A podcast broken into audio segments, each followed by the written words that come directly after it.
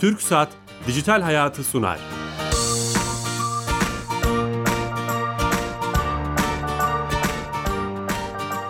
Herkese merhaba, ben Bilal Eren. Teknoloji, internet ve sosyal medyanın daha geniş anlamda dijitalleşmenin hayatımızı etkilerini konuştuğumuz Dijital Hayat programımıza hoş geldiniz. Her cuma saat 15.30'da TRT Radyo 1 mikrofonlarında İstanbul Radyosu'nda sizlerle beraberiz.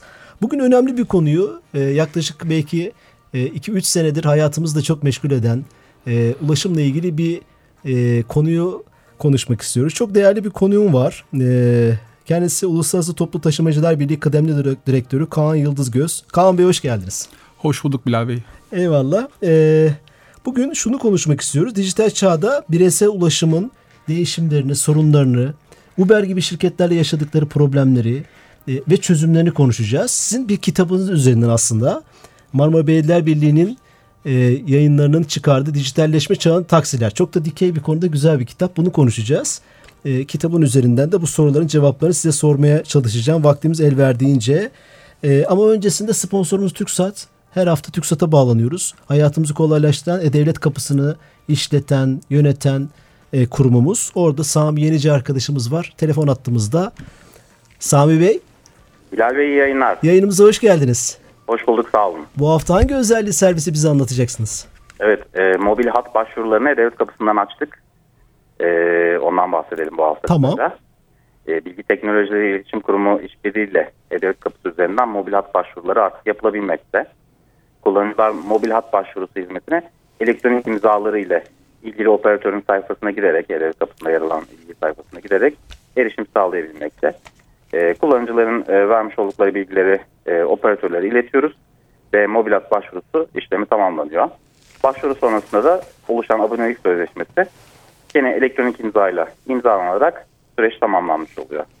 Harika. Bu operatörle ilgili, operatörlerle ilgili fiziki olarak şubelerine gitme zorunluluğu ortadan kalkmış oldu. Herhalde bugün o devrim gibi bir servisten servislerden biri bu. Çok teşekkür ederiz.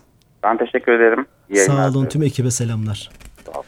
Evet TürkSat'a bağlanmış olduk. E, hayatımızı kolaylaştıran bir hizmeti kendilerinden dinlemiş olduk. Yeni açan, yeni katılan dinleyicilerimiz varsa tekrar edeceğim. Dijital çağda bireysel ulaşım teknolojilerini, değişimlerini, çözümlerini konuşacağız. Kimle konuşacağız? Uluslararası Toplu Taşımacılar Birliği Kıdemli Direktörü Kaan Yıldız Gözde. Şeyle başlayalım mı? Bu Uluslararası Taşımacılar Birliği nedir? E, yapınız nedir? Hızlıca Tabii böyle... memnuniyetle. Uluslararası Toplu Taşımacılar Birliği kısa ismiyle UITP dünyanın toplu taşımacılık ve kent içi ulaşım alanında çatı örgütü. 1885 yılında kurulmuş. Ne kadar eski bir Tabii yapı. çok köklü bir kurum ve dünyanın e, bu konudaki en yetkin e, kuruluşu. E, ben de bu kurumda çalışıyorum bir 10 yıllık bir süredir.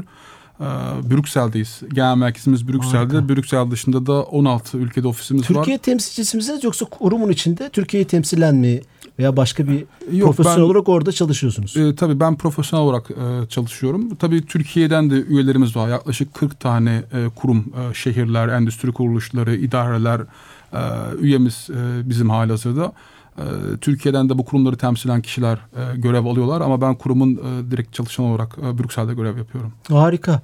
Çok dikey bir konuda aslında çok hayatımızın ta ortasında, merkezinde olan bir konuda böyle bir yapının içinde sizin olmanız çok önemli. E, 1885'ten beri çalışıyorsunuz. Ta atlı atların vagonları çektiği o zaman böyle bir şeyi kurmuşlar. Çok ilginç aslında. Tabii çok ilginç. Biz yeni bir yayın çıkarıyoruz. Bu yayında da ilk 1885 yılında kurulduğumuz yıl dünyadaki ilk ulaşım e, kongresini düzenlemişiz. E, o dönemde de e, kongre raporunu hazırlamışız. Kongre raporundaki ana konu da e, o dönemde tramvayları, otobüsleri atlar çekiyor. Atların verimliliğini nasıl arttırabiliriz? Onun üzerine yaklaşık 10 tane mühendis görevlendirmişiz. 20 farklı şehirde araştırma yapmışlar. Bunun sonucunda bir rapor hazırlamışlar. Bu sonuçta mesela atlara e, yem düzeyiyle ilgili bir formül üretmişler. İşte demişler ki atlara verilecek yemin yüzde otuzu Rusya'dan gelen şu yulaftan olmalı. Yüzde kırkı Amerika'nın şu bölgesinden e, Mısır olmalı. Şu sulama rejimi olmalı vesaire diye bir rapor üretmişler. Tabii bugün hani geldiğimiz noktada 1885'ten 2019'lara hani ciddi bir değişimi dönüşümü hani atların çektiği araçlardan bugün otonom araçlara, sürücüsüz araçlara doğru bir e, gelişimiz bir değişim söz konusu. Aynen. Günümüzde peki Uluslararası Toplu Taşımacılar Birliği dijitalleşme ile ilgili nasıl bir öngörüsü var? Yani bugün ve yarınla ilgili ne değişiyor? Tabii dijitalleşme birçok sektörü değiştirdiği gibi kent içi ulaşım sektörüne de ciddi biçimde etki ediyor. Bu etkinin sonucunda yeni iş modelleri ortaya çıkıyor. Yeni aktörler ve yeni hizmetler ortaya çıkıyor. Tabii bunlarla beraber kişilerin ulaşım alışkanlıkları da değişiyor. Örneğin ee, geçmişte işte bundan 10 sene öncesine 20 sene öncesine hatta hala günümüzde bile Türkiye üzerinde baktığımızda birçok kimse özel araç sahipliğini bir yaşam bir statü sembolü olarak e, görürdü. Ancak dijitalleşmenin etkisiyle beraber yeni jenerasyonda bunun artık azaldığını görüyoruz. Örneğin Amerika Birleşik Devletleri'nde e, ehliyet alma yaşı yükseliyor. Eskiden çok daha genç yaşlarda insanlar özel araç ehliyeti almak isterken şimdi yükseliyor. Araç sahipliği, araçlarla yapılan e, kilometreler e, ciddi biçimde e, düşüyor. İnsanlar özel araç sahipliğini değil iPhone'larını, tabletlerini kendilerine bir statü sembol olarak görmeye başladılar. Tabii bu şöyle bir bakış açısı getiriyor. Sahip olmayalım ama erişim hakkına sahip olalım. İstediğimiz İstediğim zaman, zaman erişebilelim. O yükü taşımayalım e, araç sahibi olmanın yükünü ama istediğimiz zaman ulaşım hakkına e, erişimimiz e, olsun gibi bir yaklaşım söz konusu. Müthiş. Aslında dijital çağın en büyük etkilerinden birini sadece ulaşımda değil belki ekonomiden siyasete kadar gıda sektörünün çok çok enteresan bir şeye değindiniz. Hani sahiplik değil de ona ulaşım hakkı. Bu, bu Tabii. böyle bir e, trend geldiğini, yeni jenerasyonun bununla mutlu olduğunu, bunu istediğini, talep ettiğini öğreniyoruz. E, tabii yani e, baktığımız zaman e, ciddi bir e, sahiplikten öte erişim hakkına sahip olmanın e, bir e, katma değer oluşturduğunu e, görüyoruz. Tabii burada hizmetler de değişiyor. Örneğin bugün işte İngilizcesi Mobility as a Service denilen ama Türkçeleştirdiğimiz işte entegre ulaşım platformu gibi e, tanımlayabileceğimiz bir kavram dünyada şu anda e, yükselmeye başladı. Bu şu demek aslında çok basit bir örnek verirsek. Örneğin siz bugün gidip bir GSM abonesi olmak istediğinizde işte bir GSM operatörüne gitseniz size ayrı ayrı dakikayı, interneti, SMS'i, yurt dışı görüşmeyi satmaz. Size belirli paketler sunar. X paket, A paketi, B paketi, C paketi içinde de farklı farklı kombinasyonlar e, olur. Ama ulaşım sektöründe bu söz konusu değil. Siz gidip ayrıca taksinizi alıyorsunuz. Otobüsünüze ayrıca biniyorsunuz. Metronuz başka. Metronuza ayrıca yapıyorsunuz. Ee, bu entegre ulaşım platformları size şunu söylüyor. Siz diyorsunuz ki benim aylık ulaşım ihtiyacım budur. İşte e, limitsiz olarak toplu taşımayı kullanacağım. Ayda beş defa taksiye bineceğim. Ayda iki gün rentekar araç kiralama yapmam lazım. Bu paketi satın alıyorsunuz. Ve bu paketi satın aldığınızda karşılığında özel araç e, ihtiyacınızı ortadan e, kaldırmış Bizi dinleyen girişimciler varsa müthiş bir iş fikri, iş modeli. E, tabii bu e, dünyada şu anda çok e, öne çıkan bir konsept. Bu tabii şunu gerektiriyor. Ciddi bir e, IT altyapısının e, olması gerekiyor. Buna girecek aktörler arasında bunların entegrasyonu sa- sağlanması gerekiyor. Bilgilendirme entegrasyonu gerekiyor. Ücret ödeme entegrasyonu gerekiyor. Ciddi bir entegrasyon Kurumların katmanları buna uygun olması gerekiyor biraz. Aynen. E, baktığımızda birçok yerde şu anda ciddi uygulanıyor. İşte Finlandiya'da, Helsinki'de uygulandı. İsveç'in bazı şehirlerinde, Viyana'da ciddi uygulamalarını görüyoruz. Türkiye'de de aslında şehirler bunu konuşuyor şu anda. İstanbul Kart sanki biraz buna adım attı gibi değil mi? Metrosu, otobüsü. Ee, bir, bir aslında bunun böyle bir küçük örneği gibi örneği. E, düşünebilirsiniz bunu. Ama buradaki en önemli unsurlardan birisi taksilerin bu işin içerisine girmesi. Çünkü e, geleneksel toplu taşımanın e, bir noktada bu entegrasyon seviyelerini sağlayabiliyorsunuz ama özel araç ihtiyacını ikame ettiğiniz en önemli modlardan, ulaşım türlerinden birisi taksiler. Bu taksilerin de bu kavramların içerisine e, girmesi gerekiyor. E, ve bu birazcık hani İstanbul'da e, konuşulan konulardan birisi şu anda evet, aslında. aslında harika bir giriş yaptık ve tam da konuyu taksilere getirdik. Bu yaşadığımız 200 senedir sadece Türkiye'de değil Barcelona'dan Paris'e kadar bütün dünya kentlerinde bu taksi platformlarıyla geleneksel taksi e, oranın yerel taksileriyle kavga halinde. Bayağı fiziki kavga, mahkemelik, darplar vesaire. Nereye gidiyor? Nedir bunun problemi sizce? Tabii bu konu sadece e, bir plaka mı, rant mı yani? Siz ne nasıl görüyorsunuz? Tabii bu konu yani e, çok kapsamlı e, bir konu baktığımızda. Yani birçok sektörde yaşadığımız e, tartışma dijitalleşmeyle, iş modellerinin değişmesiyle, aktörlerin değişmesiyle beraber birçok sektörde yaşadığımız tartışma e, kent içi ulaşımda da yaşanıyor. Kent içi ulaşımda da en çok yaşandığı nokta taksi taşımacılığı. Taksi taşımacılığında bunun en önemli sebebi ise hani bir defa isim vermiş olalım yol, e, dinleyicilerimiz daha iyi anlamaları babında Uber tarzı Doğru. yolculuk satış uygulamalarının farklı farklı örnekler de var. Örneğin Çin'de Didi, Güney Asya'da Grab, ABD'de yine Lyft gibi farklı farklı e, şirketler de var benzer hizmeti sunan. Bu tarz yolculuk satış uygulamalarının aktif hale e, gelmesi e, ve ciddi bir şekilde de büyümeleri dünya genelinde. Tabii bu yolculuk satış uygulamaları birçok ülkede bazı sorunlara ciddi çözümler getirdiler. Ee, özellikle yolcu perspektifinden e, baktığımız Çok zaman. ilginç. Yolculuk satış uygulamaları. İlginç de bir isim koydunuz. Hani hiç bilmeyen dinleyicilerimiz varsa biraz açalım mı? Tabii e, yani e, burada şunu ben aslında söylüyorum. Yolculuk satış uygulamaları nasıl bir işlem yapıyorlar? Bir yolculuk yapma ihtiyacı olan bir kişiyle ve bu kişinin ya internet erişimi ya da mobil telefonda erişimi söz konusu. Bu kişiyle aracı olan ve kendi aracıyla veyahut da lisanslı aracıyla taşımacılık hizmeti vermek isteyen birini birleştirilen platformlara yolculuk satış uygulamaları e, diyoruz. E, bugün e, dünyanın birçok bölgesinde e, ciddi biçimde aktif e, vaziyetler bu tarz e, kurumlar. Bu tarz kurumlar kendileri bir araca sahip değiller. Temel felsefeleri bu. Yani sıfır e, araç sahipliğiyle çalışıyorlar. E, kendileri farklı ülkelerdeki şoförlerle, araç sahibi olan şoförlerle sözleşme ilişkileri kuruyorlar ve kendi platformlarına dahil ediyorlar. Ve belirli bir pazarlama e, girişimi sonrasında yolcularla bu aracı olan şoförleri bir araya getiriyorlar ve bu şoförlerden de yolculuk sonrasında belirli bir komisyon alıp kendi iş modellerini e, bunun üzerine e, kurmuş e, vaziyettiler.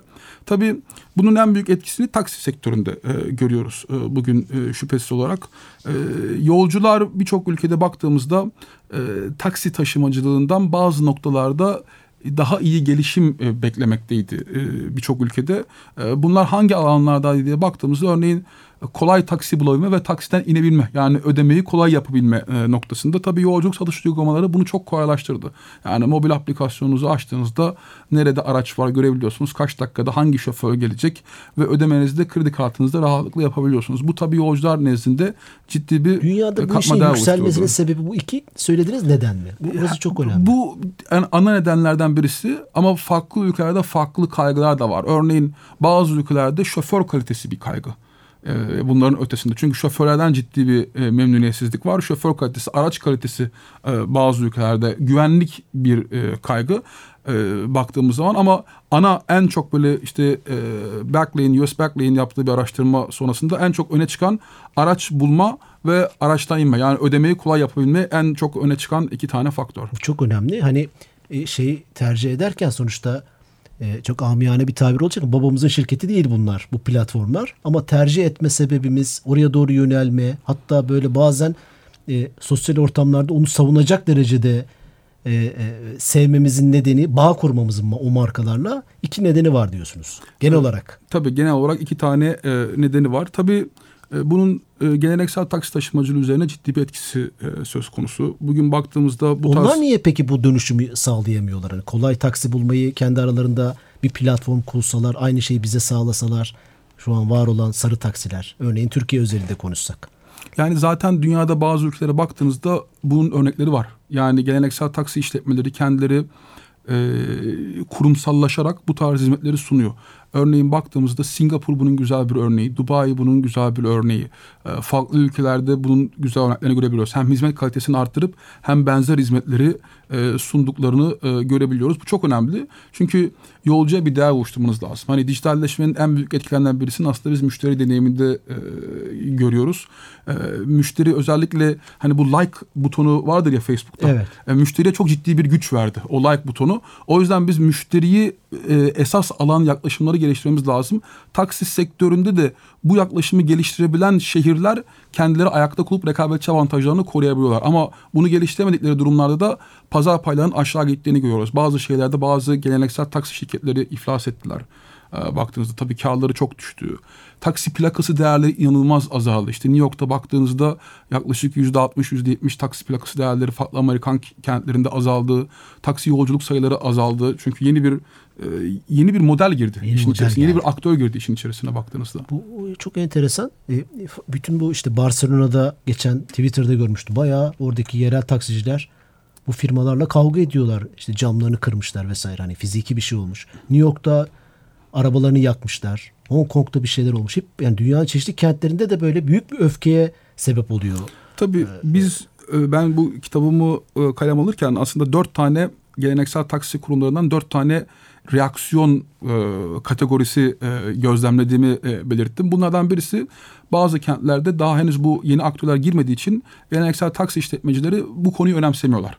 E, bazı kentlerde özellikle küçük mesela Türkiye'deki Anadolu kentleri henüz bu tarz aktörlerden çok e, önemsemiyorlar. İkincisi direnç gösterenler var. Direnç gösterme, protesto etme. İşte az önce verdiğiniz örnekler özellikle Avrupa e, ülkelerinde bu çok yaygın.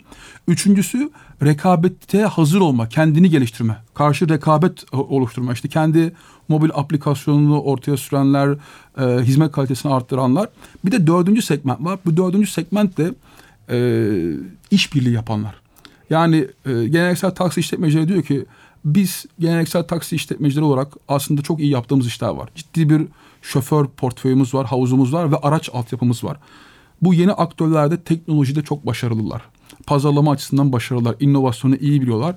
Biz iki tane aktör acaba bir araya gelip Kazan daha kazan. iyi bir kazan kazan yapabilir miyiz gibi bir yaklaşımları söz konusu. Bizim Bunu görüyoruz. de olabilir mi bu? Ne, ne görüyorsunuz? E, tabii yani e, bu aslında ileride baktığımızda e, birçok ülkede biz kurum olarak da Uluslararası Toplu Taşımacılar Birliği olarak da bu işbirliğinin arttırılmasını e, öngörüyoruz. Aslında ben İngilizce tabiriyle competition diyorum buna. Yani competition ve corporation'ın cooperation yani işbirliği ve rekabetin birleştirilmesi e, tabirini e, kullanıyorum burada. E, bu işbirliğinin teşvikini e, biz aslında e, söylüyoruz. Birçok yerde e, gündeme getiriyoruz. E, bu iki taraf için de kazançlı olacaktır. E, nasıl kazançlı olacaktır? Bu yolculuk satış uygulamaları aslında e, bilinen bir gerçek bu. Birçok ülkede zarar ediyorlar.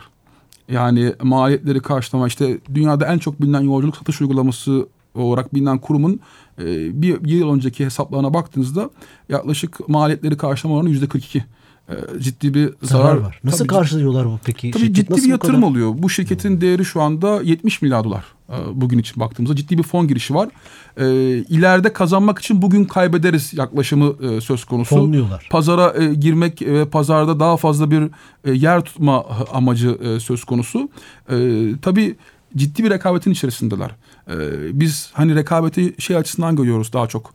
E, müşteri kapma açısından bir rekabet gibi görüyoruz ama müşteri kapmanın ötesinde şoför rekabeti de e, söz konusu. İşte bu yolculuk satış uygulamalarıyla geleneksel taksi şirketleri arasında veya bazı şehirlerde birden fazla yolculuk satış uygulaması kendileri arasında da rekabet ederken de şoför bazında daha çok şoför olmak için e, rekabet ediyorlar. E, bu da ciddi bir maliyet getiriyor e, baktığınızda. Şoförlük çok kıymetli bir şey olacak o zaman. Özellikle büyük şehirlerde belki de. Tabii şu anda aslında dünya genelinde e, şoför e, sadece taksi taşımacılığı için değil farklı sektörler için de ciddi bir şoför kıtlığı e, söz mi? konusu. E, otobüs taşımacılığı olsun, metro taşımacılığı olsun birçok kurum e, bu konu eskiden daha çok gelişmiş ülkelerin sorunuydu. Ancak şu anda gelişmekte gelişmekte olan ülkelerin de ana sorunlarından birisi haline geldi. Ciddi bir şoför kıtlığı var ve e, şoför olmakta şoförlere dönük cazibe oluşturmakta bir e, sorun yaşıyor ulaşım e, Peki bu şirketleri. otonom araçların yani sürücüsüz araçların konuşulduğu, hayatımıza girmeye başladığı bir dönemde bile mi bunlar kıymetli? Tabii bu ilginç çok şey ilginç. yani e, dediğiniz konu çok ilginç. Çünkü belki bugün şoför olarak istihdam edilen kişi şoför olarak emekli olamayacak. E, baktığınız zaman. Çünkü işte otonom araçların e, pazara girişine dönük farklı farklı tarihler e, veriliyor, konuşuluyor. Ama bugün şoför olarak kariyerine başlayan bir kişinin belki de bundan 20-25 sene sonra, 30 sene sonra e, şoförlük mesleği e, elinde bu bugünkü anlamıyla e, olmayacak. Buna rağmen e, ciddi bir e, şey söz konusu. Şoför kıtlığı söz konusu. Özellikle buna rağmen çok kıymetli. Aslında sorunların bir fotoğrafını çekmiş olduk. Hani e, bu e, dijitalleşmeyle başlayan servis bazlı ulaşım platformlarıyla geleneksel ulaşım araçlarının çözümleri de konuşalım mı biraz son bölümde? Mesela var olan bizi izleyen, dinleyen mutlaka taksici dostlarımız, arkadaşlarımız vardır, emekçiler vardır. Tabii ne bu- önermek lazım? Hani belki bireysel olarak bunu başarmak zor ama o bir bir bir toplanacak bir grup zaten onların bir birliği de var. Tabii burada şu önemli yani e, dijitalleşmenin getirdiği unsurları bir avantaja çevrilmesi gerekiyor. Yani bu avantaja çevirirken de bunu bütün aktörlerin kendi perspektifinden yapabilmeleri önemli. Taksiciler açısından bakarsak Türkiye'deki taksi aktörleri açısından bakarsak işte birçok taksi odasıyla da yakın teşviki mesai içerisindeyiz, konuşuyoruz. Onların kurumsallaşması en önemli unsurlardan birisi. Kurumsallaşmak e, şart bu noktada. Çünkü artık rekabetçi avantaj için, verimlilik için kurumsallaşmak büyük önem taşıyor. Örneğin ben çok basit bir örnek vereyim. Singapur'da bir taksi günde 100 kilometre yapıyorsa bunun 68 kilometresi yolcuyla. 32 kilometre sadece boş. Türkiye'de bu oran yaklaşık yüzde kırklarda. Yani bir taksi aracı yüzde yüz kilometre yapıyorsa 40-45 kilometresi yolcuyla. Boş. Burada bir verimsizlik e, karşımıza çıkıyor. Yine başka bir örnek vereyim. Bu verimsizliğin sonucu maliyetleri etkiliyor. Örneğin Singapur'daki 5 kilometre taksi yolculuğunun maliyeti Türkiye'deki İstanbul'u örnek alalım. 5 kilometrelik taksi yolculuğunun maliyetiyle aynı. Ama Singapur'un milli geliri Türkiye'nin belki de 7-8 katı daha yüksek e, baktığımızda. Yani e, teknolojiyi e, bizim mutlaka e, kendi verimliliğimizi arttıracak, müşteri deneyimini arttıracak e, şekilde e, kullanabiliyor olmamız gerekiyor. Bir şey Tabii, şey soracağım burada. Lütfen lafınızı unutmayın. Singapur örneğini veriyorsunuz bize benzediği için mi? Singapur Türkiye'ye benziyor mu kullanım, ulaşım alışkanlıkları? Ee, yani o modeli uygulayabilir miyiz? Örnek mi alabiliriz? Şöyle ben tabii verimli bir işletmecilik olduğu için e, Singapur'dan bahsettim. Türkiye tabii örnek alabileceği farklı kentler var. Örneğin e, Dubai yine bugün dünyada taksi taşımacılığının çok başarılı olduğu kentlerden birisi. Yine verimlilik faktörlerinin yüksek olduğu kentlerden birisi. Tokyo öyle. Tabii bu kentlerde de zamanında bireysel işletmecilik söz konusuydu. Ama bireysellikten kurumsallaşmaya doğru gittiler zaman içerisinde. Son 10 yılda 20 yıl içerisinde e, bu kentleri de örnek olarak gösterebiliriz rahatlıkla. Onların da e, indikatörleri Singapur'a benzer indikatörler. Çok önemli. Aslında biz bu şeyi e, araç paylaşım platformları olarak okumuştuk, görmüştük örneklerini. Türkiye'de sanki bu şirketler bizim taksiciler taksi sistemlerimize benziyorlar. Yani benzediler gibi. Yani Uber gibi şirketler e, aslında kendi benim aracımı paylaşmaya yönelik bir iş modelini getirmiyor muydu? Türkiye'de mi olmadı bu iş? Şöyle araç paylaşımını şu şekilde söyleyebiliriz. Araç paylaşım sistemlerinde bir araç paylaşım operatörü, işletmecisi kurum var ve kişiler gidip kısa dönemli hani siz araç kiralama yaparsınız ama günlük kiralarsınız. Bir saatlik iki saatlik belirli küçük yolculuklar için araç kiraladığınızda buna araç paylaşımı deniyor. Sizin kendi aracınızı başkasıyla paylaşmanızda ise sizin yolculuğunuz sırasında araç havuzlama e, sistemleri e, diyoruz. Bu tarz kurumlar daha çok aslında bir nevi e, şoförüyle beraber araç kiralamak, kısa dönemli araç kiralama hizmeti olarak e, söyleyebiliriz e, bu tarz kurumların ana verdikleri hizmeti ama bugün Uber diyelim veya da diğer kurumlar diyelim bu kurumların hepsi artık hizmet yelpazesini genişletiyor. Sadece o bizim taksi diye bildiğimiz klasik sistemin dışına çıkıp işte paylaşımda ulaşım türlerinin farklı farklı alanlarında e, faaliyet göstermeye başladılar. İşte araç paylaşımı e, olsun, bisiklet paylaşımı olsun, scooter'la bugün e, çok e, öne çıkmaya başladılar. E, talep tabanlı otobüs hizmetleri tabii çok böyle dinamik talep tabanlı otobüs hizmetleri vermeye başladılar. Hizmet yelpazesini geliştirip aslında temel hedeflerini de şöyle ilan ediyorlar. Biz ileride herkes için bir ulaşım hizmetini sunabilecek platformlar olacağız. Yani e, entegre ulaşım platformuna, MAAS'a e, dönmek istiyoruz gibi de bir e, vizyon çiziyorlar kendilerine. Süper tabii o kadar güzel e, farklı bir konu ki konu konuyu açıyor. Ee, İstanbul'un trafik sorunu, büyük kentlerin trafik sorunu da büyük bir çözüm. Hep herkes tek başına biniyor arabaya. Eleştirisi vardır ya hep aramızda konuşuruz. Tabii şey çok önemli. Yani teknolojinin e, kent içi ulaşım probleminin çözümünde kullanılması çok önemli. Ben küçük bir istatistik vereyim size. E, dünya genelinde yapılan bir araştırmaya göre kişisel özel aracınızı o aracın yaşam süresi boyunca sadece yüzde beşinde kullanıyorsunuz. Yüzde doksan beşinde kullanılmaz vaziyette otoparkta bekliyor. Yani ciddi bir verimsizlik söz konusu aslında baktığınızda. Ee, Rakamlarla biz, konuşunca çok farklı bir tablo e, çıkıyor. Biz mümkün mertebe paylaşabilirsek eğer, biz mümkün mertebe teknolojiyi kullanabilirsek e, yolları, kısıtlı yol mekanlarını daha verimli kullanır hale gelebiliriz. Çok basit bir örnek vereyim. Mesela birçok ülkede taksi paylaşımı yasak. Yani taksiyi siz bir kişi kullanıyorsanız eğer ikinci bir kişiye daha taksi şoförünün taksiyi alması e, birçok ülkede yönetmelikle yasaklanmış vaziyette. Bunun sebepleri var aslında haklı gerekçeleri de var. Ama bugün teknoloji işte bu yolculuk satış uygulamalarının getirdiği teknoloji bize bu taksi paylaşımını da kolayca ve yasa koyucularının yasa koyucuların kendi düşüncelerini de adresleyecek, onların konsörlerini de adresleyecek şekilde yapabilme imkanını e, sağlıyor.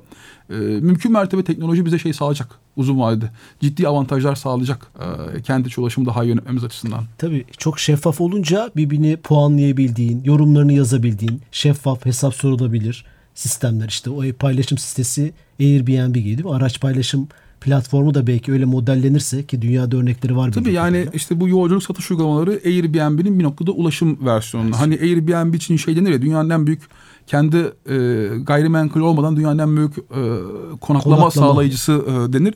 Aynı şekilde bu tarz kurumlar içinde kendi aracı olmadan dünyanın en büyük ulaşım sağlayıcıları gibi e, söylemlerde e, bulunuyor. Benzer bir e, yaklaşım e, söz konusu. Harika. Siz e, şey e, Uluslararası Toplu Taşımacılar Birliği olarak kentlerle işte İstanbul Büyükşehir Belediyesi ile Ankara bir ortak çalışmalar yürütüyor musunuz? Tabii tabii. Yani biz e, birçok kurumla e, ciddi ortak çalışmalarımız var. Türkiye'de de işte İstanbul olsun, Ankara olsun, Fikirlerinizi, olsun. raporlarınızı ulaştırıyor musunuz? Mesela o ilk başta verdiğiniz şey statüden sahipliğe, ulaşılabilirliğe ulaşma çok ilgimi çekti.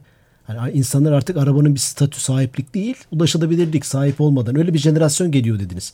Bir belediye başkanı, bir belediye aklı bunun farkında mı acaba? Onu e, tabii yani e, hem Türkiye'den olsun hem dünya genelinde olsun birçok kentle bunu paylaşıyoruz. Aslında biz bu bilgileri o kentlerle beraber üretiyoruz. Hmm. Çünkü biz kurum olarak e, o kentlerin sahibi olduğu bir e, kurumuz ve bu kentlerle birlikte üretiyoruz bu bilgileri. O yüzden baktığımızda paylaşımımız da daha rahat olmuş oluyor. Yani şunu düşünüyorum, e, bilmiyorum aynı şeyi mi düşünürsünüz? E, şeyler değişiyor, dünya değişiyor ama biz geleneksel yapılarda kalmaya devam ediyoruz. Yani farklı çözümler üretmiyoruz. Ulaşımda bunlardan biri. Belki işte seçimler bunlardan biri. Farklı e, e, teknolojinin nimetlerinden faydalanıp farklı çözümleri düşünmek istemiyoruz. Halbuki o zaman da yaşanmaz hale geliyor. Ne diyorsunuz? %95 otoparkta duruyor diyorsunuz bir arabanın. Yani çok, çok önemli. Bizim mutlaka bakış açısını, iş modellerimizi değiştirmemiz lazım. Ben küçük bir örnek vereyim burada hani kapatmadan da. Türkiye'de havacılık sektörü e, 2002 yılında ciddi bir dönüşüm gösterdi. Yani iş modeli değiştirildi havacılık sektöründe ve aslında hem hava yolları hem de kullanıcılar bundan çok ciddi kazanç çıktı. O zaman da değişime karşı bir ciddi bir direnç söz konusuydu.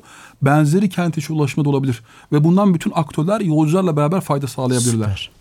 Harika ama vaktin sonuna geldik. Uluslararası Toplu Taşımacılar Birliği kıdemli direktörü Kaan Yıldız Göz'le beraberdik. Çok da güzel kitabı var. Herkese tavsiye ediyoruz. Dijitalleşme, dijitalleşme çağında taksiler. Şeref verdiniz. Ayağınıza sağlık. Haftaya yeni konu ve konuklarla beraber olacağız. Bu programımızın hem podcast'ini hem tekrarını Dijital Hayat TV, YouTube, Sound, SoundCloud ve Spotify kanallarında bulabilirsiniz. İyi hafta sonları. Hoşçakalın.